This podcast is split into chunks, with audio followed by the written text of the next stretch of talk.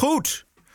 Kijk hoe het gaat werken. Ik mag het nog een keer zeggen. This is the TPO podcast. Groot complot ontdekt tegen Forum voor Democratie. alle controlled opposition rechtsbewegingen, dus geen stijl, post online, die zijn allemaal in de overdrive aan het gaan om ons stuk te maken. Onbeperkte immigratie, duur en onwenselijk. Ik zou niet willen wonen in een stad zoals eh, Rotterdam, dat op een gegeven moment 90% islamitisch is. Aversie groeit over de Britse prins Harry en zijn Meghan. Oh God, it's just it's beyond belief. Aflevering 232. Ranting and Reason. Bert Bresson, Roderick Phalo. This is the award winning TPO podcast. Ik vind dat zo'n heerlijke uitspraak. Crap beyond belief. Dat is, eh, Crap beyond belief. ja, die houden we erin. Goedemorgen Bert. Goedemorgen, Roderick. Met een paar hinkstapsprongen lukt het toch weer om een eh, podcast te maken. Want we hadden vanmorgen wat eh, technische problemen. Maar goed, dat, die, worden, die technische problemen zijn er om opgelost te worden. En eh, dat, is, dat is dan ook gelukt. Alles goed met Bert? Eh, ja, u, krij- u krijgt in ruil voor technische problemen een uitstekende geluidskwaliteit. dus eh, vandaar. Dat is allemaal via Roderick. Maar eh, Roderick is een, is een audio-nerd. ja. Ho- Hoe lang doe je dat al sinds je kindertijd eigenlijk? Of niet? Ja, ja, ja. Serieus? Serieus? Ja, ja, ik heb een foto van mijzelf aan de keukentafel. Ik denk dat ik Ja? dan vier of vijf ben. En mijn vader was verkeersleider. En die had, gaf thuis les aan eh, verkeersleiders in opleiding. En die had dan ook zo'n koptelefoon en een microfoon. Die foto van mij aan de keukentafel is er één met die koptelefoon op. En ik ben dus aan het, aan het praten met mijn vader. Dus daar is het Ja. allemaal begonnen. En volgens mij was ik vier of vijf jaar. En, maar dan heb je ook, je hebt al, ook echt altijd een radiootje gespeeld en zo, en dat soort dingen. Ja, of altijd. echt alleen mu- geluid. Nee, nee, nee. Ik had eh, eh, al heel snel eh, een piraat. En Ja, ik precies, nam ja. eh, vaak mijn vakanties. Vakanties nam ik op en eh, had ik een cassette recorder. En dan maakte ik met de mensen met wie ik op vakantie was, maakte ik dan bandjes. Als een soort fotoboek had ik dan allerlei fragmenten opgenomen. Geweldig. En met muziek er doorheen gemixt en zo. Geweldig. Ik had wel vroeger dat mijn vader had, eh, had dan op, gewoon op zo'n houten plankje. eh, ja, gewoon zo- zo'n kristal en, eh, en, een, en een printplaatje. En dan hadden we inderdaad een kristalzendertje. En dan konden we gewoon via, de, via de antenne die op het dak stond, konden we dan gewoon zenden. Dan ja? je, maar dan heb je bereik van nou ja, de hele buurt, zeg maar. Dus dan we gewoon radiopiraatje. Braken we gewoon in op de radio van de buren. Ja, Dan kwam de PTT met, met zo'n straalwagen, ging dan eh, op zoek en zo naar, Ja. eh, naar radiopiraten. En nooit opgepakt, Bert. Nee, nee, nee, was het bereik er te beperkt voor. Dat was echt een. eh. De rebellen van eh, tegenwoordig eh, vinden wij eh, vanmorgen in Diemen bij het energiebedrijf Vattenval. Daar zitten namelijk rebellen van eh, Extinction Rebellion. En zij blokkeren de ingang van de grootste eh biomassacentrale van Nederland, die daar moet komen. Eh, Mooi. kli- klimaatextremisten verzetten zich tegen biomassacentrale, kopt de Telegraaf. En ik voelde me vanmorgen onmiddellijk een extremist, Bert. ja, terecht. Eindelijk. ik- ik ben eens. eh, hup. Hup, Extinction Rebellion, hup. Het is de eerste keer dat we voor, voor, voor, voor dat soort, dat soort eh, eh, milieudramas... dat je een keer eh, verwant voelt. Want dat, Ja. dat biomassa dat moet echt zo snel mogelijk stoppen. Dat is meer een soort criminaliteit. Houtstok is niet duurzaam, staat er op een van de spandoeken. Dat klopt. En dat klopt, ja. En eh, een woordvoerder van Vattenval die is naar buiten gegaan. Die zegt: Ja, we snappen eigenlijk niet zo goed wat ze hier doen voor onze deur. Ze moeten hun pijlen richten op politiek Den Haag. Ja, daar hebben ze zo'n punt. Daar zit wel wat in, ja. En de gemeente Amsterdam. Nou. GroenLinks Amsterdam, daar moeten ze gaan demonstreren. Of bij eh Etje Nijpels bij de, voor de deur. Dat Ja. zou misschien een idee zijn. Ja, dat is een goed adres. Want, die, want dat Vattenval, ja, die kan er ook niks aan doen. Die krijgt de opdracht om eh, hout te verstoken. Ja. Om, om een biomassacentrale te runnen. Oké, maar ja. Kijk, hun kan het niet schelen verder. Ja. Nou, ze krijgen niet alleen de opdracht, ze krijgen ook heel veel subsidie. Want het moet gebeuren. Ja. Amsterdam, Nederland moet van het gas af. En daarvoor in de plaats moeten we terug naar ja, prehistorische tijden eigenlijk. Eh, eh, het ver- verstoken van hout, bomen kappen. eh, die we juist nodig hebben natuurlijk om de CO2 af te vangen. Nee, Ja. het, is, het is de meest onbegrijpelijke actie die er in het klimaatakkoord staat. Ik, ik begrijp hem wel, omdat op papier biomassa eh, CO2-neutraal is. Als je namelijk één boom opstookt en je laat er tegelijkertijd ook één groeien. Dan ben je CO2-neutraal. Maar ja, dat groeien dat duurt eindeloos veel langer dan het opstoken van een boom natuurlijk. Ja, bovendien, zo, als je zo redeneert, dus dan kun je, kun je elke dag een miljard, miljard ton extra CO2 de lucht in gooien. En zeg je, ja, maar het komt ook weer terug, want ik laat ook heel veel bomen teruggroeien. Ja, het, volgens mij is het idee juist dat je geen CO2 de lucht in krijgt. Niet dat, het, dat, het, dat, het, dat je het uiteindelijk weer een keer terug krijgt.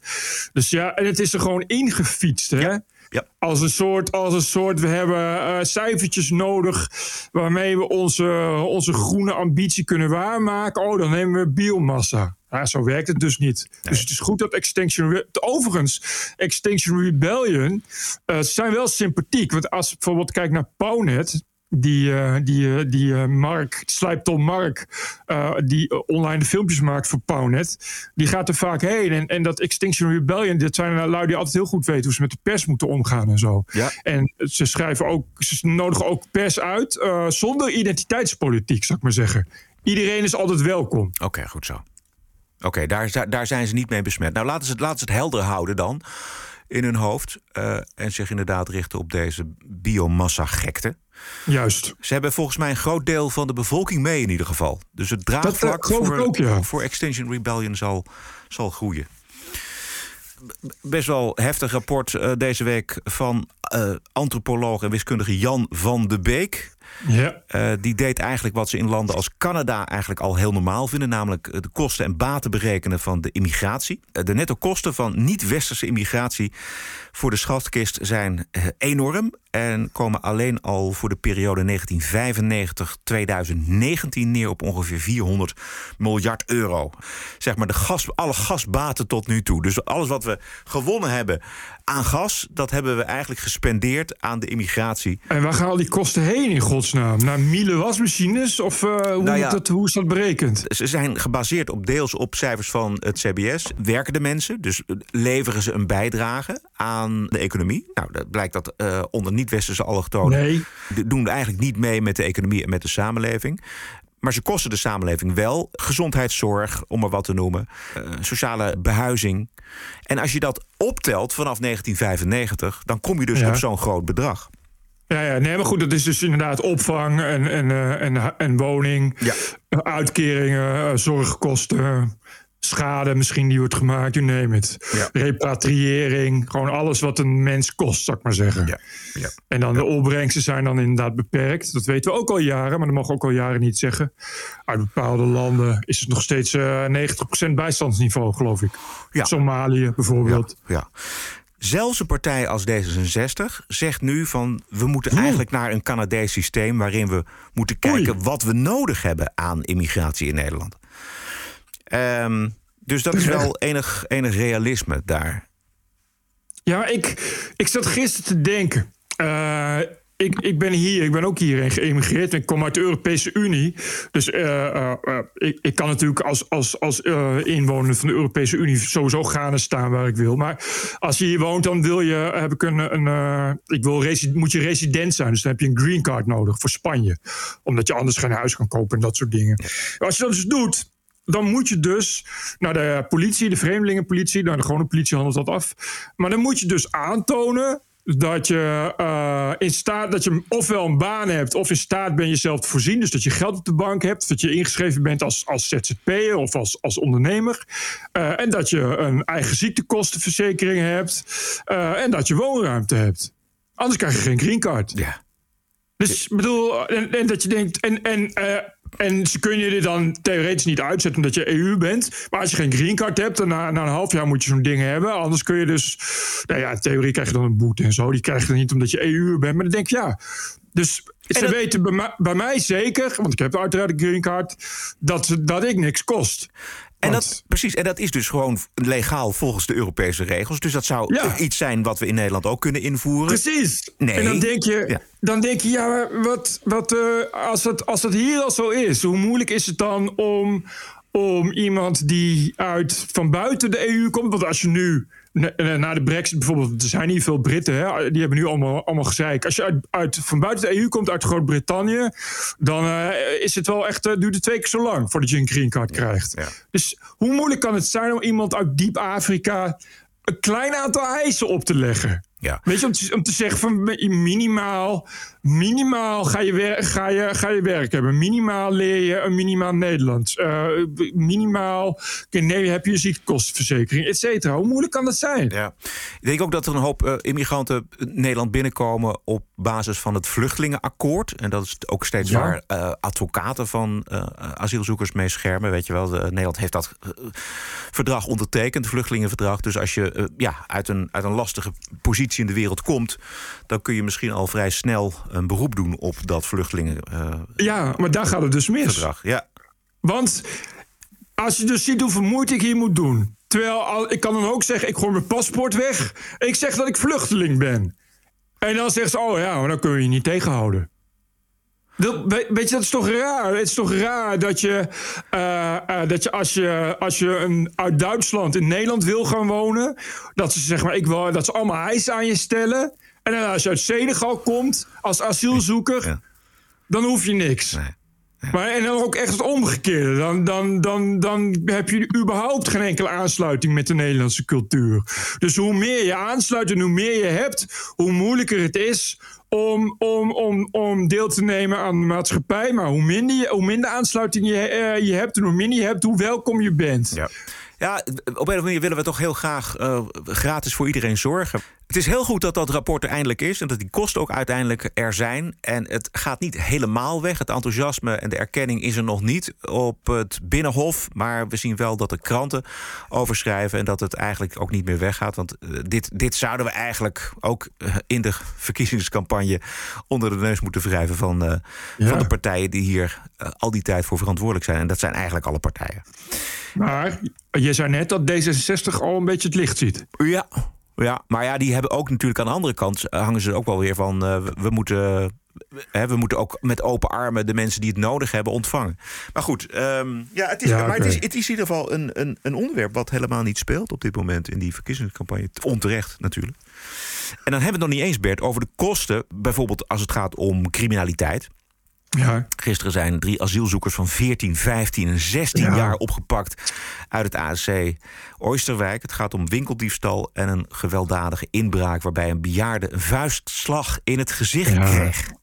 14 jaar. Onvoorstelbaar. 14 jaar. En op dezelfde dag had die burgemeester al, al een persbericht uitgedaan dat hij vond dat het draagvlak door door de aanhoudende problemen met uh, alleenstaande jonge mannen uit kansarme landen steeds meer erodeert. Het draagvlak voor opvang van asielzoekers. Heel gek.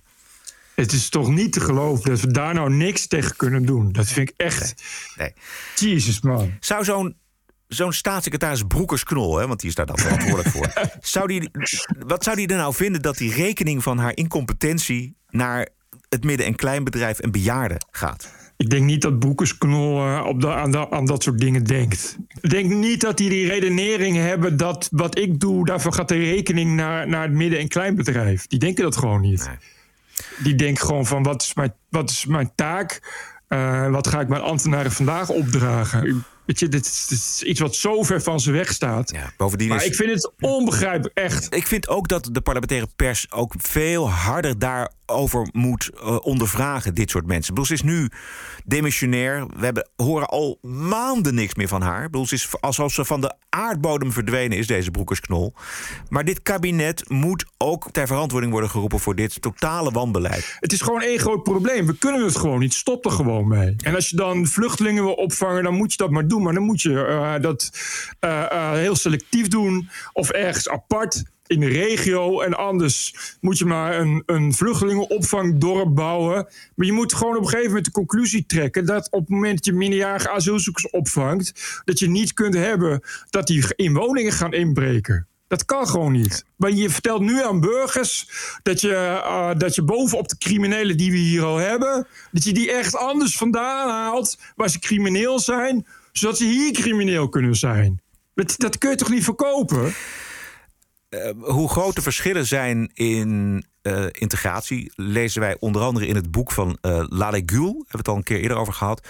Uh, zij is de moslima die weggegaan is uit haar geloof en een boek heeft geschreven. Ik ga leven. En heeft door het schrijven van het boek heel veel ellende op haar hals gehaald. Je hebt daar uh, gisteren geïnterviewd. Dus prachtig ja. uh, interviewgesprek uh, tussen Bert Brussen en Lale Gül online te vinden op onze TPO. Alle Spotify. platformen. Spotify, de hele zooi.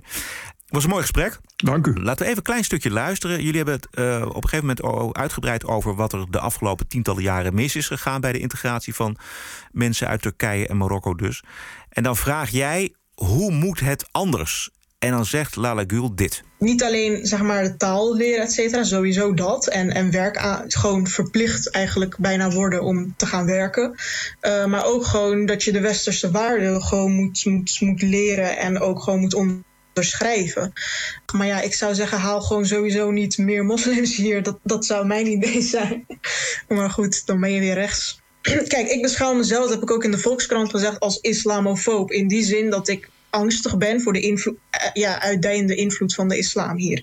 Ik zou niet willen wonen in een stad uh, zoals uh, Rotterdam of zo, dat dat, dat dat op een gegeven moment 90% islamitisch is en dat ook mijn huisarts islamitisch is en alle docenten, et cetera, wat nu nog niet gelukkig het geval is.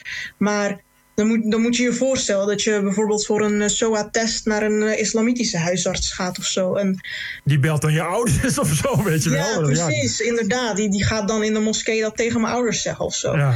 Dus het maakt wel degelijk uit of een land veel moslims bevat of niet. En daarom zeg ik ook, uh, zou, ga die immigratie stoppen? Ja, ben ik daar gewoon eerlijk in. Ze vertelt het allemaal zonder yep. blad voor de mond over de islamitische yep. scholen, over het uh, uitschelden van meisjes en vrouwen, over de afhankelijke positie van vrouwen in de islam. En het is allemaal toch weer erger dan je denkt, hè Bert? Ja, ik uh, was toch weer geschokt van vooral over het niveau van falen uh, van, van, van het integratiebeleid. Omdat dit, haar ouders komen uit Turkije en haar ouders zijn 25 jaar geleden naar Nederland gekomen. 25 jaar geleden, ja, dat is dus eind jaren 90, klopt dat? Ja, eind jaren 90. haar moeder Oh, vandaag de dag is haar moeder volstrekt analfabeet. Ze zegt ook van mijn moeder kan nog geen vijf landen in de wereld opnoemen. Haar moeder spreekt geen woord Nederlands, letterlijk geen woord. En haar moeder is al 25 jaar lang uh, gaat haar moeder, uh, uh, kijkt alleen maar Turkse televisie, gaat naar de Turkse moskee en als ze naar buiten gaat, gaat ze naar de Turkse supermarkt. Dus haar moeder heeft werkelijk geen flauw idee wat Nederland is. Überhaupt niet dat ze in Nederland leeft. haar vader is uh, werkt als postbezorger en treinschoonmaker. Uh, die heeft uh, uh, in Nederland wel leren lezen en schrijven op, op basisschoolniveau. En die kan een paar woorden Nederlands. En dat is dus al 25 jaar zo. Dus die mensen kwamen. en ik heb gezegd van.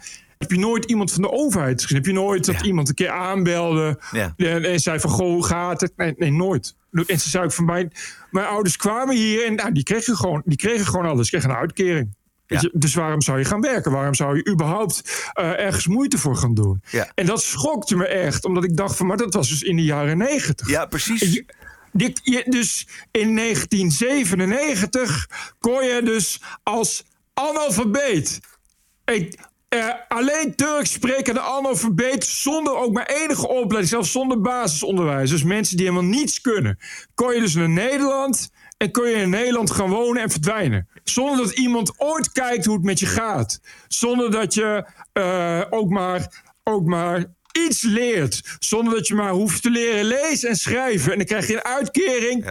En er is niemand die de rest van je leven ook maar iets aan je doet. En dan krijg je kinderen. En dan is er niemand die kijkt hoe gaat het met die kinderen. Groeien die wel, groeien die wel onder Nederlandse omstandigheden? Of helemaal niks. Noppes, nada, nul. Toen waren we toch al heel ver met dit debat. Een paar jaar later werd Pim Fortuyn doodgeschoten. En die werd niet voor niks doodgeschoten. Dus we wisten al dat dat gaande was. Maar er is helemaal niets veranderd. Helemaal niks. Nul, nul, nul, nul, nul.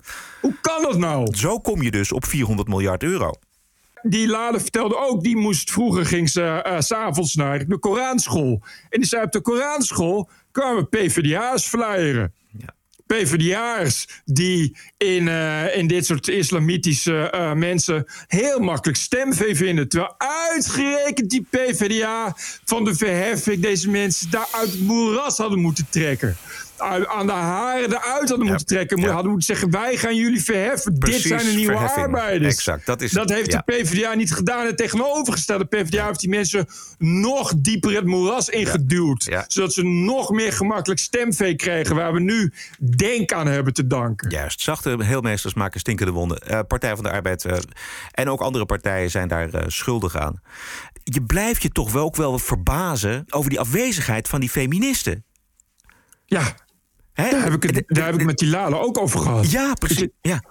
Je zou daar toch, en, en ja, als je dat ook zo leest, dan zou je toch denken: daar heb je voor die feministen toch een mooie kluif. Precies. als er nou iets ergens een plek is in de wereld waar vrouwen worden onderdrukt, bij huis, bij je eigen buren. Ja. Uh, in driekwart Amsterdam West. Dan is het daar en ook niet een beetje. Daar is gewoon nog middeleeuwen qua vrouwen. Dus dan heb je nog een hoop te doen. Maar nee, Niks. Het is een gruwelijk verbond tussen progressieve wegkijkers en de conservatieve islam. Hypocrieten krijg je dit niet, volgens mij. Het is misdadig. Eh, ja, precies, misdadig, hypocriet. Aan de ene kant bepleit je verheffing en bevrijding van vrouwen. Aan de andere kant, waar het echt nodig is, kijk je weg. En veroordeel je de mensen als Ayaan Hirsi Ali en Laleh Gül. Want die laden ook van ja, ik, ik krijg, die zei, ik krijg twee, uit twee kanten krijg, krijg ik hatelijke reacties. Dus uit, uit, uit de islamitische kant, maar dat ligt voor de hand. Maar van linkse mensen krijgen ze te horen, ja, uh, door wat jij doet speel je de PVV in de kaart. Ja. Uh, en en uh, vergroot je islamofobie en moslims hebben het al zo slecht in Nederland. Je, dat soort dingen. En dan krijg je dus inderdaad van, van van, van linkse mensen, van, van feministen. Van GroenLinks feministen. Die, waarvan je denkt, die zouden juist blij moeten zijn met mij. Van nee, die zeggen dan van nee, maar dit, op deze manier schaadt je juist de belangen van islamitische meisjes. Ik kan me nog herinneren een uitzending van De Wereld Draait Door. Waarin dan een lijst staat van vrouwen die grote invloed hebben gehad, feministen, op de Nederlandse samenleving. Oh, Daar staat op een gegeven moment natuurlijk ook Ayaan Hirsi Ali in. Ja. Wie zit er aan tafel bij oh, De Wereld Draait Door? Oh. De, die advocaat Benedict Fiek. Oh, en die haalt haar eruit. Waarom? Argument is dat Ayaan Hirsi Ali te polariserend is geweest. Benedict Fiek is een van de redenen waarom ik uit Nederland ben weggegaan. Ja, dat kan ik me heel goed voorstellen. Benedict Fiek is echt fout. Als je het over fout hebt, dan heb je het over Benedict Fiek. Juist. En ik weet dat Benedict Fiek oh, tegen iedereen die iets vindt van Benedict Fiek aangifte gaat doen.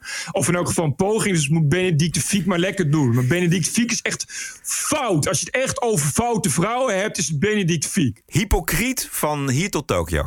Zo verrot is het dus. Ja, dat zijn mensen ook die krijgen dan eh, televisieprogramma's, weet je wel, wordt er dan weer een een of andere serie gemaakt en dan mag ze dan weer uh, optreden. Er is overal plaats voor dit soort hypocriete mensen. Ga het luisteren, het gesprek uh, tussen Bert en uh, Laling. This is the TPO podcast. Even wat anders. De NOS over de zijk vanwege dit. Goedemorgen Nederland. Nog precies twee weken en dan is het verkiezingsdag. Tot die tijd is hier elke dag een lijsttrekker te gast als mede-presentator. Vandaag is dat Thierry Baudet.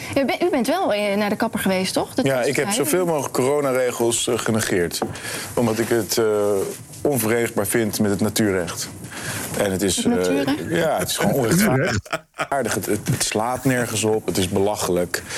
Um, we moeten ermee stoppen. We en, doen het voor de zorg natuurlijk. Hè? Ja, we doen het voor de zorg. We, ja, we zijn er nog tot tien uur. Mijn uh, mede-presentator Thierry Boudet. Zometeen, daar heb ik het over, over zijn campagnetour door ons land. Maar nu eerst het fake news journaal met Mark Visser. Ja, NOS eh, ging het vooral op dat laatste natuurlijk. Moet je daar überhaupt een lijsttrekker als presentator of als hoofdredacteur neerzetten? Volgens mij, dat vind ik wel een zinvolle discussie eigenlijk. Want, dat is een zinvolle discussie, ja. Want WNL doet het al jaren. En ik geloof, de Telegraaf heeft ook een soort van bijlagen. En libellen, ja, ik vind het vreselijk. Die bellen en... Ja, precies. En Linda doet het ook. Nou, het, ja, ik vind het... Het, het is zo erg... Elke keer bij verkiezingen weer dit soort, dit soort gemakkelijke, blije weken. Dan gaan we een lijsttrekker als wat zit daar nou achter? Hè? Wat, is daar, wat is daar nou... Ideeënarmoede. Ja, zoiets, ja. Het is... Creativiteitsbloedarmoede. Kijk, wat je, wat je hebt is natuurlijk dat er heel veel media zijn. En al die media doen iets met de verkiezingen. Dus, dus wij moeten ook wat met de verkiezingen. Oké, nou dan laten we, laten we laten we eh, de lijsttrekkers als hoofdredacteur. Weet je. En het is zo flauw en, en makkelijk Kijk, als je denkt dat je, of als je benieuwd bent naar wat een lijsttrekker aan keuzes maakt, hè, journalistieke keuzes, dat is prima. Maar de- ondervraag hem dan Ja, daarover. stel een vraag. Stel een vraag. Zeg van nou, hè, welke onderwerp mist u nou in de Nederlandse media bijvoorbeeld? Hè? Dat zou een vraag kunnen zijn. Dan kun je uitgebreid gesprek erover voeren. Maar ook eh, zelfs als presentator. En Bert Huisjes die zegt, die zegt dit. Het is een aantrekkelijke vorm. Het is een forum die goed begrepen wordt door het publiek. Niemand denkt dat Baudet een journalist is. Iedereen kent Baudet als een eh, lijsttrekker van Forum... en met uitgesproken meningen. En eh, soms ook meningen die je totaal niet deelt. Geen reden om de formule te veranderen. Dit is eh, Bert Huisjes op Radio 1. Dat is het punt, het is het punt natuurlijk niet. Natuurlijk weet iedereen dat, dat, dat Baudet geen journalist is. Als- Maar als de vraag is: is het een creatieve vorm? Nee, nul. Hou ermee op. Nee, maar ik Weet vind, ik, het, ik, maar ik ik vind snap het ook niet. Ik vind het in zoverre ook nog vervelend, omdat je, eh, je zet Thierry Baudet in dit geval, maar ook andere lijsttrekkers, wel in de rol van de presentator. En dat, dat kun je zeggen, nou, dat is dan leuk en lachen en eh, kijkers kunnen het verschil wel maken. Maar hij moet dus iets aankondigen en, hij, en die rol die past hem helemaal niet. Nee. Maar het is ook, ik snap gewoon, kijk, dat WNL, die hebben eh, WNL op zondag met Rick Nieman. Uitstekende interviewer. Dus weet je wat je doet? Je doet elke zondag doe je een lijsttrekker. Een hele eh, WNL op zondag lang laat je die interviewen door, door Rick Nieman. Dat gaat elke keer uitstekend. Wat is het dus? Een uitstekende interviewer nog maar. Hoezo moet je die lijsttrekkers in Goedemorgen Nederland hebben? Goedemorgen Nederland is een koffiedrinkrubriek met nieuwtjes. En ditjes en datjes. Van mensen die 's ochtends opstaan en naar hun werk gaan even het nieuws willen kijken. Hoezo moet daar een lijsttrekker bij zitten? Dus je flikker toch op met je, met, je, met, je, met je. Het is allemaal van die kinderachtige journalistiek de hele tijd. Hoezo? Stel die lijsttrekker een paar goede vragen. Fijn. Weet je, vlieg Rick niemand in in de ochtend. Als die 's ochtends vroeger opstaan. Weet je, en laat hem dan een paar vragen stellen. Huur Sven Kokkelman in. Of Dries Roelvink. Of weet ik het voor wat. En geef Dries Roelvink elke ochtend in WNL een rubriekje van vijf minuten. waarin hij wat vragen stelt aan lijsttrekkers. Fijn. Hoezo moet die lijsttrekker in, in, in een van de kinderachtige bejaarde koffiekijk, koffiedrinkrubriek ook co-presenteren? Het is allemaal zo. eh, dat, is, dat, dat is dus wat er vermoeiend is aan de journalistiek. En dat is in heel Europa zo. Dat al die, al die media, en er zijn ook te veel media, en al die media zeggen: oh, we moeten iets leuks, iets luchtigs doen met, met, de- met, met de politiek. Dat hoeft helemaal niet. Er zitten ook wel goede gesprekken in, moet ik zeggen. Onder andere Ja, met... nee, dat is eh, prima. hoe heet ze? Eh, Simons.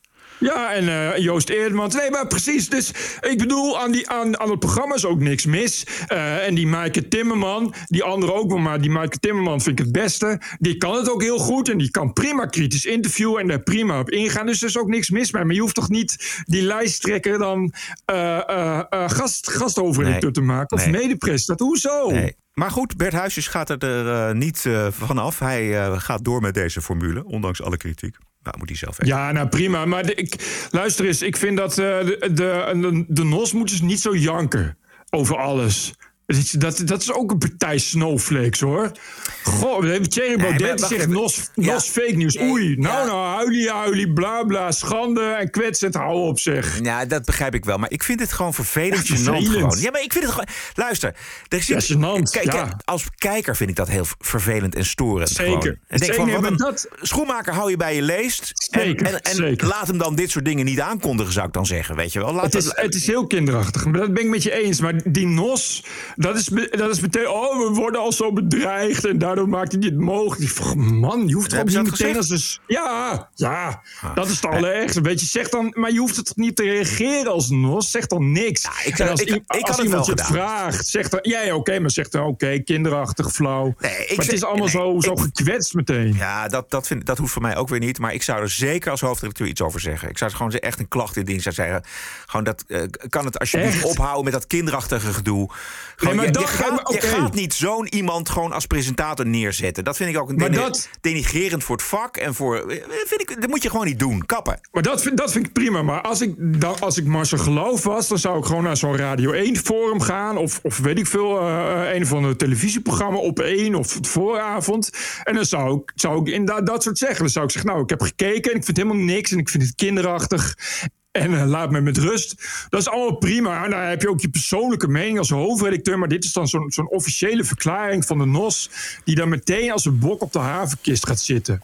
Baudet was na de uitzending naar Sittard gereden voor de campagne natuurlijk. En daar moest hij eerst zijn ei kwijt over de media waar hij steun van verwacht. Ik was dus inderdaad bij de fake news NPO.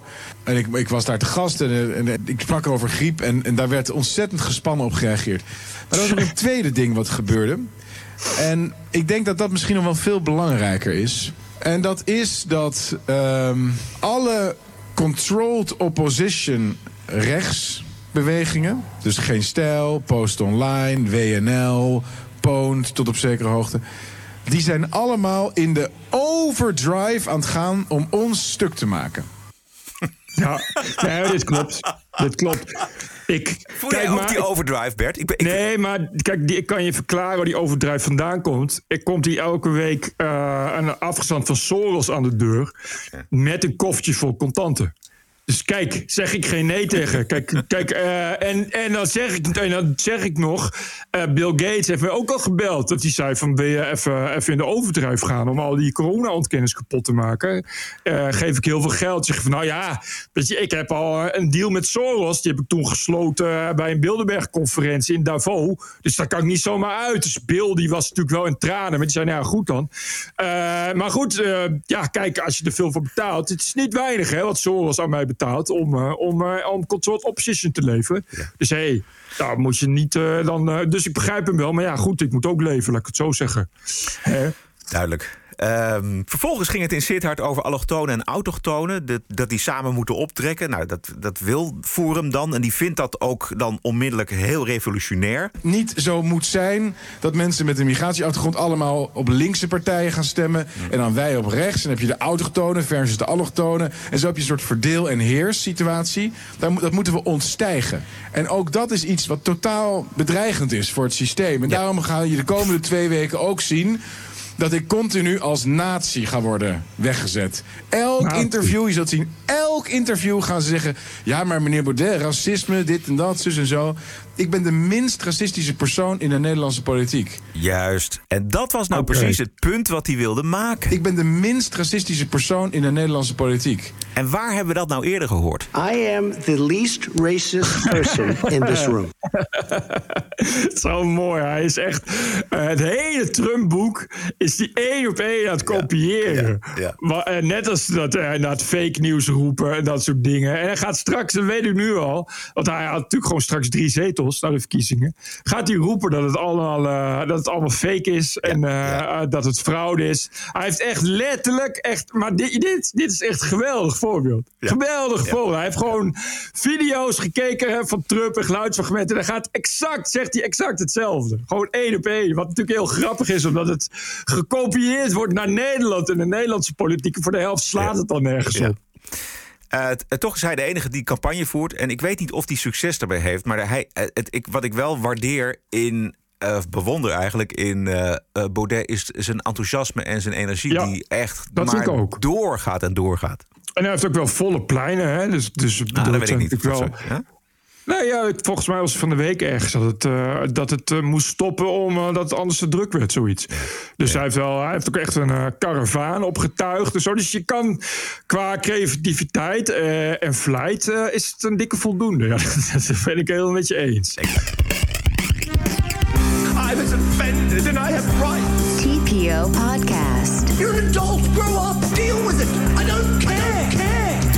De Wokweek, oftewel berichten uit de open inrichting. In de Wokweek krijgt iedereen het podium dat hij verdient. Mensen, bedrijven, instanties die zich een slag in de ronde deugen... en die buigen voor de terreur van de identiteitsideologie. Het was weer druk, drukke week. Tylers Nou, Museum worstelt met eh, werk van een racistische vogelschilder. Ehm, mijn goede vriend eh, Jean-Pierre Gele in de Volkskrant... die ging woensdag lekker los op eh, het Tijlersmuseum in Haarlem... dat in juni een tentoonstelling plant voor, eh, nou ja, met schilderijen van vogels. Maar hey, een Amerikaanse vogelschilder... die 170 jaar geleden zijn laatste adem uitblies... blijkt een slavendrijver en een racist... in 1840 in Amerika. Ja, en dit, uh, nou ja, kijk, bol, prima dat daar een discussie over is. Maar het, wat ik het weer typisch vond aan het stuk in de Volkskrant van Jean-Pierre Gele... was het volgende. Namelijk hoe hij dat beschrijft. Hoogst explosief materiaal ook omdat het Tylers Museum de code diversiteit en inclusie van en door de culturele sector onderschrijft. Die gedragscode bepleit onder meer aandacht voor de vraag welke rol jouw identiteit en impliciete vooroordelen spelen bij het maken van artistieke en inhoudelijke producten. De duimschroeven gaan aan bij het Tylers Museum eh, met zo'n stukje in de Volkskrant van Jean-Pierre Gele. Hij weet dat precies. En hij heeft eer van, pas eer van zijn werk als het Tyler Museum zegt... nou ja, eigenlijk naar aanleiding van het stuk in de Volkskrant... en alles eromheen, gaan wij toch deze Amerikaanse vogelschilder skippen uit de tentoonstelling. Ik kan me daar niet eens in verdiepen. Dat je serieus bezig gaat met een schilderij en met schilderijen van een schilder die misschien wel iets van racisme had. Weet je, wat, niemand weet dat überhaupt. Nee, dat is één. Maar het schilderij verandert ook helemaal niet. Het is een prachtig schilderij, heb ik gezien van een lepelaar. Prima om daar in een biografie over deze man dit op te nemen. Maar het gaat toch om de kunst, het gaat toch om het schilderij? Zou je denken, hè? Nee, met in het Stedelijk Museum bijvoorbeeld gaat het al heel lang niet meer om de kunst, maar gaat het om de kunstenaar. Dat die zwart is, of gehandicapt, of beide, of vrouw, of transgender. Ik zat te denken, moet je dan ook het werk van uh, meneer Hilter uit Wenen. Moet je de... Prachtige stillevens en vergezichtjes. Ja. Koop dat werk, mensen. Hij staat elke dag staat hij op, met een steentje op het, uh, op het operaplein voor de opera in Wenen. Uh, hij is herkenbaar aan zijn uh, prachtige snor. Goed bijgehouden, gemanicureerd. Ja, dus ik, nee, dat is, daar moeten we, misschien, moeten we misschien ook eens kijken of dat misschien nog allemaal wel kan. Ja. Er zijn grenzen. Uitgeverij Atlas Contact organiseert volgende week speciaal voor blanke mensen een cursus onbewust racisme. Ontdekken bij jezelf. Het is een onderdeel van de marketing van een boek van een schrijfster, moslimschrijfster uit uh, Qatar.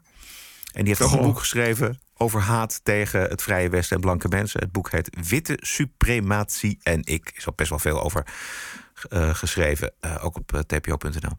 Maar de titel geeft het wel een beetje weg, hè? Ja. um, het is wat, hè? Het is, uh, dit is, uh, ik vind dit een prachtig voorbeeld van hoe er geld te verdienen valt aan diversiteit en inclusie. Het is Atlas Contact heeft het wel heel goed door. Die geven dus ook uh, de vertaling uit van het Franse pamflet van die Franse feministen. Die uh, oh, ja. met als titel uh, Ik haat alle mannen. Oh, ja, ja. Die, die oproept om alle mannen te haten. Waarin trouw Kleis Jager, ons aller Klaas Jager een interview mee had. En in dat interview zegt hij dus ook van ja, hoe zit het dan, uh, hoe zit het dan met islamitische vrouwen met de hoofddoek? Want ja, daar woon ik toch ook niet echt weinig van in Frankrijk is niet.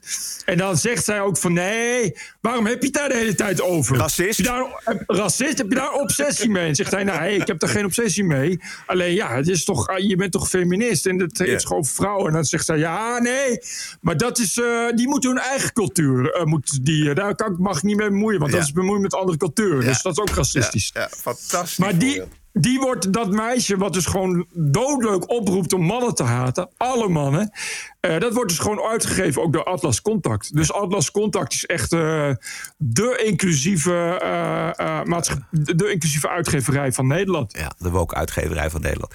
Juist. Ja, en die gaan daar helemaal, want het is onvoorstelbaar dat je zo'n hele campagne ook opzet voor zo'n boek van een vrouw uit Qatar. Ja, het is gewoon marketing. Er wordt veel geld aan verdiend. Vreselijk, vreselijk. En het is ook, ze hebben gewoon een website uh, naar het Nederlands vertaald met Google Translate. Ja. Dus het ziet er ook allemaal niet uit. Oké. Okay. Uh, u, u, u, weet misschien nog wel van de Britse tuinen en hun racistische oorsprong. Ja, met verzanten. Ja, Precies. Ja, ja, ja. Dat hebben we eerder genoemd in de Wokweek. Britse hoogleraar postkoloniale literatuur schreef onlangs dat de Britse tuincultuur en zelfs uh, het eten van een van zand dat dat diepgewortelde laag van racisme herbergt. En natuurlijk is daar iemand in Nederland die daar ook uh, de Nederlandse invalshoek bij bedenkt. En het parool geeft daar dan uh, ruimte voor. Aan een antropoloog. En zijn naam is Leno Munnekes. En Leno Munnekes die zegt het volgende. Ik schrok daarvan en dacht, hoe zit dat bij ons? En in onze tuinen? Wellicht is de liefde voor tuintjes aanharken, bloemen kweken... groenten verbouwen en hippe stadslandbouw... bij ons in Nederland ook wel elitair, racistisch... en van oorsprong een koloniaal overblijfsel. Ja, ja, ja, ja, Als- ja, ja, ja. Als Voler, dat is dus die, die Brit, gelijk heeft en deze zienswijze bij ons ook toepasbaar is, zou dat haak staan op het feit dat we stadslandbouw steeds, juist steeds meer zijn gaan beschouwen als de verbinder en oplossing ja, ja. voor allerlei voedselproblematiek. En hoe kijken we dan aan tegen de schooltuintjes? Waar we onze kinderen al vroeg aanleren dat tuinieren, groenten verbouwen en binding krijgen met de natuur heel erg goed is. Is dat dan ook niet een vorm van een koloniaal overblijfsel en elitair? Ja, ja, en? En, en, en, en? Is, het, is het racistisch? Ja, hè? Ja, hè? Schooltuintjes! Oh, man! Goed dat hij dat bedenkt. Uiteindelijk, Bert, komt hij er aan het eind van het artikel op terug dat het eigenlijk wel reuze meevalt en dat het toch moeilijk Oh, te jammer. bewijzen valt. Maar het, het is, gaat mij meer om het parool, wat dan weer een hele pa- pagina voor zo'n verhaal inruimt. En je weet precies hoe dat dan gaat op zo'n redactie. Ja. Die lezen dat over die Engelse zaak, God. En ja, maar kijk eens eventjes als we. Hoe zit dat in Nederland eigenlijk? En dan zoeken ze, zoeken ze, zoeken ze. Uiteindelijk vinden ze dan iemand die daar iets over wil zeggen. Ja, ik vind sowieso schooltuintjes, eh, volkstuintjes. Alleen de naam al, volk. Dat is zo nationalistisch als de neten. Dat is natuurlijk... eh, de, ik vind volkstuintjes puur racisme. Het wordt tijd dat daar eens een socioloog of een antropoloog... of, wat zei je... eh, eh, postkoloniale, een, een hoogleraar postkoloniale eh, tuintechnieken, die is er vast wel. dat je daar eens even een licht over laat schijnen in Volkskrant of in Parool en Trouw of beide. Dat zou goed zijn. ik Want denk- dat moet maar eens afgelopen zijn Precies, daarmee. precies. En als je het kijkt over, als je het hebt over cancel culture, dan zou je eigenlijk iedereen die ooit een schooltuintje gehad heeft. zou je eigenlijk niet meer moeten aannemen bij een bedrijf of bij de overheid, weet je wel? Want die zijn natuurlijk allemaal, ja, die hebben allemaal iets meegekregen van dat, koloniale en van het racistische. Dus Dat vind ik ook. dat, dat, we kunnen echt rustig een aantal generaties gewoon afschrijven.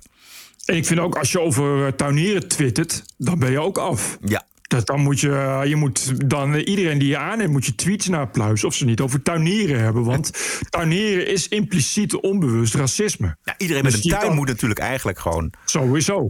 Sowieso. gecanceld worden. Ja. Eh, kan ik het even over Volvo hebben nog? Ja, graag, Want we hadden het vorige keer over Volvo. Dat eh, Volvo is natuurlijk eh, het, eh, het symbool van Volvo is een rondje met een pijl rechts naar, rechts naar boven. Wat natuurlijk voor mannelijkheid staat. En ook voor Mars overigens, de Romeinse god voor de oorlog. Dus, dus dubbel leed. En er zijn natuurlijk nu alweer. Het waren, vorige keer hebben we dat al aangetoond. Dat er feministen zijn die dat allemaal zwaarkwetsend vinden. Eh, er kwamen een hoop mailtjes binnen. Die konden uitleggen wat de werkelijke betekenis van Volvo is. En dat zou ik dus nog even uitleggen. Eh, De merknaam Volvo is afgeleid van het Latijnse volvele, wat rollen betekent. En Volvo mag je dus letterlijk als ik rol vertalen. En het logo is het chemische symbool voor ijzer. En dit is om een associatie met stevigheid en de Zweedse metaalindustrie te creëren. Dus het is niet alleen maar een mannelijk, eh, mannelijk logo qua mannelijkheid. Sterker nog, het is helemaal geen mannelijk logo. Heeft er niks mee te maken waarschijnlijk. Nee, ja, jawel, nee, de- want de beelding staat dus ook symbool van mannelijkheid.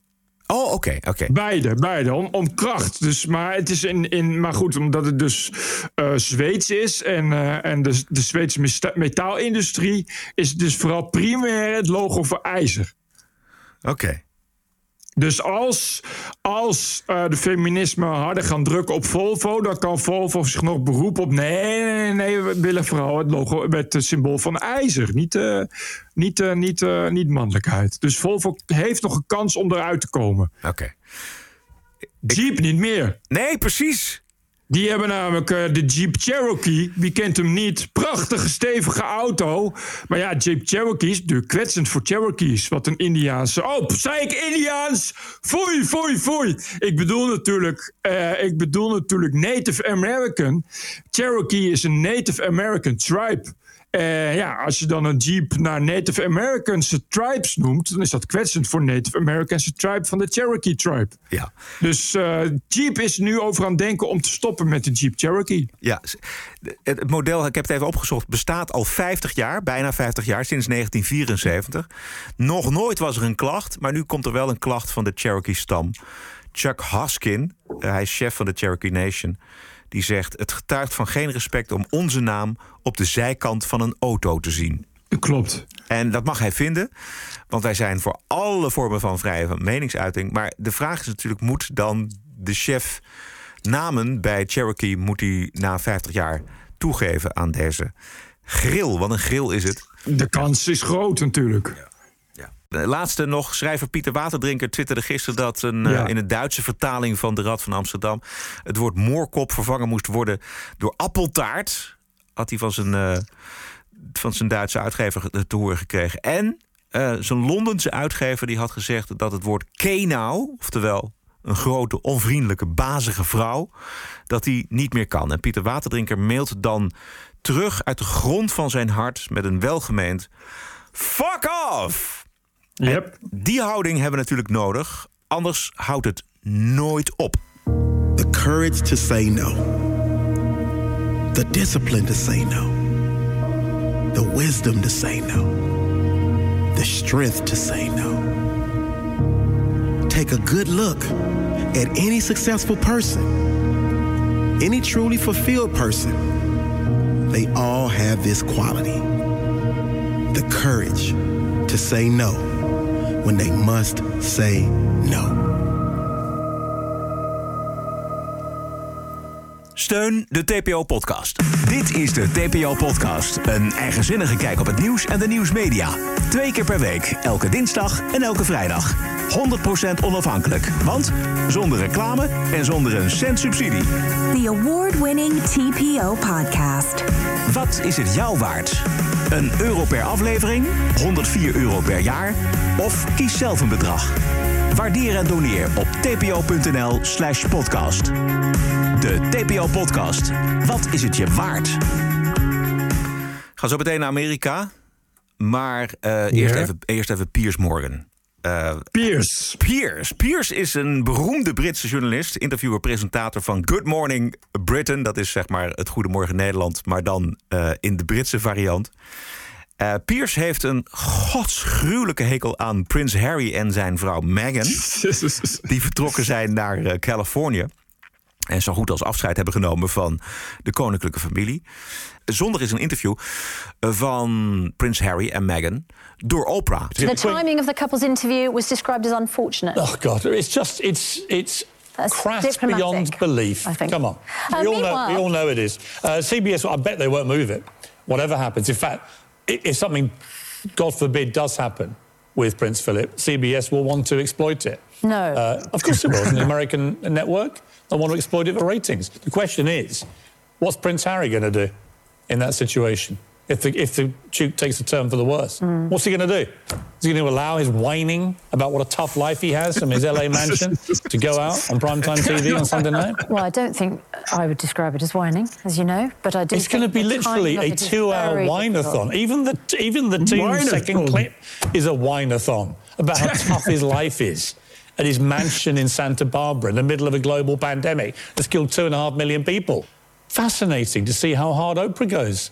Will she take the gloves off with them mm. and ask them some tough questions? She said there were no areas out of bounds. Quitting your country, quitting, uh, quitting your families, both of them. You talk, you preach about compassion, you two. You send out your little checklist for International Women's Day about we've got to show compassion. And this is what this says. This is the Archer World checklist. This month, let's unleash a groundswell of acts of compassion. Well, why don't you start with yourselves? Why don't you, Harry, who's never met your father in law? Never met him. Why don't you get on a plane? It's all far now. You live, you live in Arrowa. Get on a plane to Mexico and go and see Thomas Markle. See how he is. Show him a bit of compassion. But you've disowned him, haven't you? Uh, what about coming in? What about showing compassion to your, your brother? Because your brother went through the same thing that you did. I don't see him giving endless interviews about it and saying how tough his life is. Because your brother stayed here in the pandemic and has done a fantastic job, frankly him and his wife, and the other senior royals in that pandemic? I think. That's called duty. You know, you get all the baubles, you get all the castles, the palaces, the servants, the trinkets, you get the first class travel, you get all that kind of thing. Yeah, but they've given that up. But in return- they've said that they don't no, want they the haven't given it up. the They're still the Duke and and, the Duchess. staff. They've still got their royal title, Susanna. Which is within you the see gift no problem. of the Queen, and I don't see see, no- how you think you have more authority than the Queen in No. deciding whether they should keep their royal Because titles or not. these two want to have their royal cake and eat it. And that is the central problem. Eten van twee balletjes. Heel erg geweldig dit, hè? Ja. Je, ik ga, ik ga er ook niks, je kan er ook niks meer aan toevoegen. Want het, is gewoon, het staat zo mooi op zichzelf, dit. Ja. CBS, de zender waar het interview wordt uitgezonden, heeft uiteraard een teaser uitgebracht. 20 seconden. Ook even horen, Bert. Ja, graag. I don't know how they could expect that after all of this time, we would still just be silent if there is an active role that the firm is playing in perpetuating falsehoods about us. And if that comes with risk of losing things, I mean, I've there's a lot that's been lost already. Yeah. The Firm. Nou, het wordt echt. Oh, ja, man. Ja, het is. Ja, ik, ik zit er helemaal niet in. Nee. Maar dit, als je het maar al 20 seconden hoort, denk je: oh mijn god. Ja. Maar het is precies wat, wat Peers zegt. Weet je? Rijke, verwende mensen die, die alles hebben. Het zijn de aller, aller, aller, aller, aller, aller, aller, allerrijkste mensen op aarde. Die gaan, gaan, gaan lopen klagen. Weet je, die gaan lopen whinen hoe verschrikkelijk ze het hebben en zo. Dit is echt... En, en, en preachen, dus eh, compassie. We moeten Ah. Compassie met de wereld hebben. Maar eh, ondertussen heeft prins Harry nog nooit een hand gegeven aan zijn, zijn schoonvader... die blijkbaar onder lastige omstandigheden in Mexico woont. Nee, maar weet je, ga naar Mexico. Weet je, ga daar, ga daar iets goeds doen voor, voor, voor arme mensen of zo. Je echt, maar dit echt alleen maar klagen over hoe, hoe erg het allemaal is. En het is oorlog tussen eh, eh, vooral Meghan en eh, de rest van de koninklijke familie. Ik zit er Ik net als jij helemaal niet in, maar ik ben toch benieuwd. En ik, we gaan toch waarschijnlijk maandag of dinsdag hebben wij dan toch misschien één of twee quotejes erin van dit koninklijke echtpaar. Was die eh, Meghan Merkel niet ook eh, enorm slachtoffer van racisme en zo? Ja, daar werd wel iets gezegd van de. de- de- de pers is, ja, de pers was dan kritisch op haar Ja. en onaardig. Ja. En toen zei zij van nou, dat, zal, dat heeft met racisme te maken. Ja, had ik ook super veel medelijden mee. Ja. Daar lag ik echt wakker van. Ik echt dacht, och, och, och, och, och, die Britse pest op. Ik wist niet eens dat zij een, een, een vrouw van kleur was. Ik, exact, dat ik ook dacht van, wacht, ik, ik, wa- waar zit precies het racisme? En toen bleek inderdaad dat ze niet 100% blank is of zoiets. Want haar vader dus inderdaad een Mexicaan is en zo. Wat ik überhaupt niet wist en wat je ook verder niet ziet. Het is niet dat je haar ziet dat je denkt van, oh, wat een dappere, krachtige zwarte vrouw. Nee, nee, Maar ik nee. had daar heel veel, daar begreep je wel. Dat begrijp je wel. Dat ik dacht van, oh, wat erg voor die vrouw. Ja, dat zeg. begrijp ik goed. Ja. Toch al zo'n zwaar leven en nu weer dit. Nee, is, is eh, ja, ja. We staan al met één been in Amerika. Pak dat andere been er maar bij. TPO Podcast. Ladies and gentlemen, the president-elect of the United States. This is CNN breaking news. We have never, ever, ever, ever failed in America. It's an incredible way of putting it. Telling the truth matters. It's an incredible way of putting it. This is a Russian intelligence disinformation campaign. Why isn't Joe Biden angrier about all of this? How stupid can you be? This is a classic example of the right wing media machine. Sure. You know the facts well. Go ahead. Gaat het wel goed met president Joe Biden? Journalisten vragen zich af waarom er nog niet één Witte Huis persconferentie is geweest met Joe Biden. Het, hij, laat het, hij laat het steeds doen door zijn eh, woordvoerder Jen. Terwijl Trump toch het ook leuk vond en regelmatig daar verscheen. Ja. En gewoon in gesprek ging en vragen beantwoordde van journalisten. Nee, Wat raar. Joe Biden. Dat is best wel raar Ja, eigenlijk. Hij laat zich gewoon niet zien. Dus, ehm, maar hij, oogt ook broos. En ik denk ook, en dat, Ja. dat zie je ook aan die Amerikaanse. eh, trouwens, hier in Nederland, de kranten ook. Weet je wel, er hoeft maar iets te gebeuren met Trump. Of het staat weer heel groot in de krant. En ook eh, op de Amerikaanse televisie. Ik denk echt dat de pers, zeker in Amerika, Trump mist. Ja, Zeker ook de linkse pers. Ja. Eh, dus eh, een snipper van Trump is, is altijd meegenomen. Dit is Rachel Maddow over het feit dat Trump en zijn vrouw in januari gevaccineerd zijn. And today, bizarrely, we sure we were told for the first time that President Trump was vaccinated, along with First Lady Melania Trump at the White House in January while he was still president before the inauguration. Ah, ongelooflijk. Ongelooflijk, de president van Amerika. Een vaccinatie. Why did they keep this information secret from the American public? Who? I mean, sometimes I can. Sometimes that administration and that president did things that I thought were sort of crazy or wrong, but at least I could discern the self-interest. What was the self-interest here? What was to whom did the benefit accrue? Ik zeg impeachment. Self-interest. Self-interest. De man is president van het machtigste land ter wereld. Self-interest. Nou, ik, zou inderdaad zeggen impeachment. Maar misschien, uh, ik zou zeggen, doe journalistiek onderzoek. Is dat niet een keer een idee? Oh, jongen, jongen, jongen. dat je daar ook dan... Uh, daar, dat ga, je... daar gaat het toch helemaal niet om. Het gaat gewoon echt puur om dat ze gewoon uh, weer eventjes oh, aandacht okay. aan Trump kunnen besteden. Ja. Ah, goed, ik dacht, dit is een nieuwszender, maar daar, daar had ik even verkeerd, kennelijk. Nee, ik zag, ik, ik, ik weet de laatste letterlijke tweet niet meer, maar iemand die, die een headline van Newsweek, dat was dan, ik, Biden had iets gedaan, dus het werd dan uh, met veel bombarie en lof. Geweldig dat Biden dit soort dingen doet. Uh, en iemand die, die, daar, die daaronder had gezet van als, als Trump dit had gedaan, precies hetzelfde, het was iets triviaals, dan hadden ze het negatieve eruit gelegd, uitgelicht. Ja, ja. Namelijk, Trump doet dingen niet. Weet je, en nu bij Biden is het. Biden doet dit en dat. En dat is dan iets positiefs. Maar als dan Trump het dus. Trump doet dingen niet. Dus weet je, is exact, exact hetzelfde, maar dan omgekeerd. Het is echt ja. bizar om, om, om te zien dat er gewoon. Ja, dat is precies hoe je het wilt zien. Weet je wel? Ja, ja precies. Ja, ja geweldig.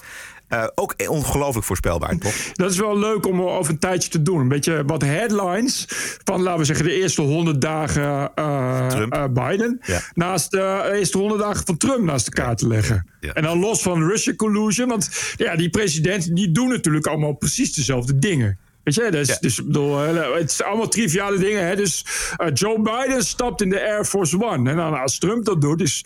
Trump Biden. Precies, Trump struikelt stapt in de Air Force One. Alleen maar, en dat zijn alleen maar dat soort dingen. Dan zie je hoe die pers dat, dat narratief helemaal, helemaal vorm geeft elke keer. Ander dingetje, oud-CIA-directeur John Brennan is de afgelopen vier jaar heel erg veel op televisie geweest. Hij is uh, onder contract zelfs bij de linkse zender MSNBC. Omdat hij als oud-CIA-topman niets had met uh, Trump. Uh, die, want Trump wilde gewoon geen oorlog voeren. En ja, als, het CIA, als de CIA iets wil, dan is het wel oorlog voeren. Dus open armen van MSNBC voor deze John Brennan. En hij weet de wokies te paaien, Bert. Well, I must say, to Claire's point, I'm increasingly embarrassed to be a white male these days. what, a, like what I see of my other white males saying. But it, it just shows that, with, the, with very few exceptions, like Mitt Romney, Liz Cheney, Adam Kinzinger, there are so few Republicans in Congress who value truth, honesty and integrity. Uh, oh, jongen, het is echt niet. Dat zegt de oud, oud baas van de CIA? Ja. ja. Oké. Okay. Embarrassed to okay. be a white male. Jesus, de ja. oudbaas van de CIA die het heeft over, over honesty and truth. Juist. Laat het even, even op je, in je inzinken, alstublieft, mensen. Het is wel uh, echt een dingetje namelijk. Precies, want John Brennan is een van de grootste leugenaars van Amerika. dat zeggen iets. Dat komt een beetje met zijn beroep ook, uh, ja. dat zou ik maar zeggen. Hij heeft uh, gelogen over het inzetten van drones tegen burgerdoelen in Irak. Juist. Hij heeft Juist. gelogen over het illegaal bespioneren van de eigen Amerikaanse bevolking. Three months after 42 civilians died, John Brennan stood up and said, There hasn't been a single collateral death. I have grave concerns that the CIA's search may well have violated executive order which prohibits the CIA from conducting domestic searches or surveillance. As far as the allegations of you know CIA hacking into you know Senate computers, nothing could be further from the truth. I mean, we wouldn't do that. Nee, nee, of course not. But he did. En nu uh, wil hij geen uh, blanke man meer zijn. Nee, nu wil hij geen blanke man meer zijn. Goh, wat erg. Ik heb heel veel medelijden met hem, ja. wat dat betreft. Ja. Goed, maar dapper. Vind ik wel heel dapper, hè, dat hij zich zo voelt. Dat hij kan zeggen, oh, eigenlijk jammer dat ik een blanke man ben. Ja, Echt uh, krachtig en dapper. Precies, dat levert hem weer een half jaar contract op bij MSN. Ja, ja, dat zal hij wel niet gratis doen ook, denk ik. Nee, nee, ik denk het ook niet. Ik heb alleen nog een bonusquote, Bert. Hit it. Geweldige nieuwe podcast ontdekt. Die heet Rock on Tours. Eh, dat zijn twee mannen die interviewen grote muzikanten. Echt, echt Ja. grote. Dus eh, Alice Cooper, Mark eh, Ja. King van Level 42, Peter Frampton, Suzy Quattro. De interviewers die hebben ook hun sporen verdiend. Een van hen is liedjeschrijver van Spandau Ballet. Ik weet niet of je die band Ja. nog kent. Tuurlijk. Through the Barricade. Juist, prachtig liedje. Aanstaande zondag hebben ze te gast Midjur. En Midjur is de zanger van Ultravox. Ja. Vienna, weet je wel? En deze Midjur die vertelt hoe de Sex Pistols bedoeld waren... als etalagepoppen voor de kledingwinkel van Malcolm McLaren... op Kings Road in Londen, waar eh, Vivian Westwood eh, de kleding voor ontwierp. Let's just play this game for a bit, though, Midge, and just imagine that you did say yes to Malcolm McLaren and became the lead singer of, of the Sex Pistols. What would have happened to the world? well, I, I think the Pistols would never have happened. It would have been, it would have been dead. You would have been terribly polite to Bill Grundy, probably. Yeah, wouldn't Ja, Bill Grundy is eh, de, de, de, de man die de Sex Pistols op televisie voor het eerst Ja. interviewde. En dat hele interview liep helemaal mis. I say, Bill, we can't use language like that. Bill Grundy would still be in a job if you. That's true. Yeah, yeah, he did the head of you know ITV or something. You know, I have no idea. But no, no, it was it was a non-starter, and because they never said, "Do you want to be the singer or do you want to be the guitarist?" They just said, "Do you want to be in the band?" Because it was really about selling clothes. They wanted a clothes horse um, to put Vivian's, you know, ripped t-shirts and bondage trousers on, uh, and and weirdly, he happened to put together a brilliant band. Yeah, but he did say that years later. He finally said, "You know, I put the Sex Pistols together to sell trousers, and we sold a lot of trousers." Yeah, I'm sure they did. Geweldig. Oh, Ik wist is het helemaal niet. Ja, ja. Ah, het was natuurlijk wel, het was wel een beetje bekend dat het een commercieel opzetje was, die Sex Pistols. Dat is toch grappig? Anti-commercie, anti-kapitalistisch, eh, Ja, anarchistisch. Dat dat nou een commercieel project was. Het is ook grappig dat je dan zo'n commercieel project optuigt. dat je- en dat het dan echt een succes wordt. Ja. Maar het is echt, echt beyond de scope of wat je had gedaan. Dat is echt ja, het is natuurlijk een hele, hele cultuur gemaakt, die eh, Sex Pistols. Zou ik maar zeggen. Ja. Geweldig. Nee, eh, goede bonusquote, Roderick. De TPO-podcast is te vinden op onder meer Spotify, Apple Podcast, iTunes en natuurlijk tpo.nl. Zeer veel dank voor de ondersteuning van deze aflevering. Het gaat gewoon door. Op dinsdag lezen wij voor de mensen die gedoneerd hebben. Althans, de mensen die gedoneerd hebben en een Ja. briefje hebben achtergelaten. Het briefje kan Ja. eh, achtergelaten worden via info.tpo.nl. En waarderen kan op tpo.nl slash podcast. We zijn terug dinsdag 9 maart. Stay cool. En tot dinsdag. TPO Podcast. Bert Bruson, Roderick Balo, Ranting and Reason. Just because you're offended doesn't mean you're right. Podcasting is the TPO podcast in the Netherlands. Bert and Roderick. What a show. I'm telling you.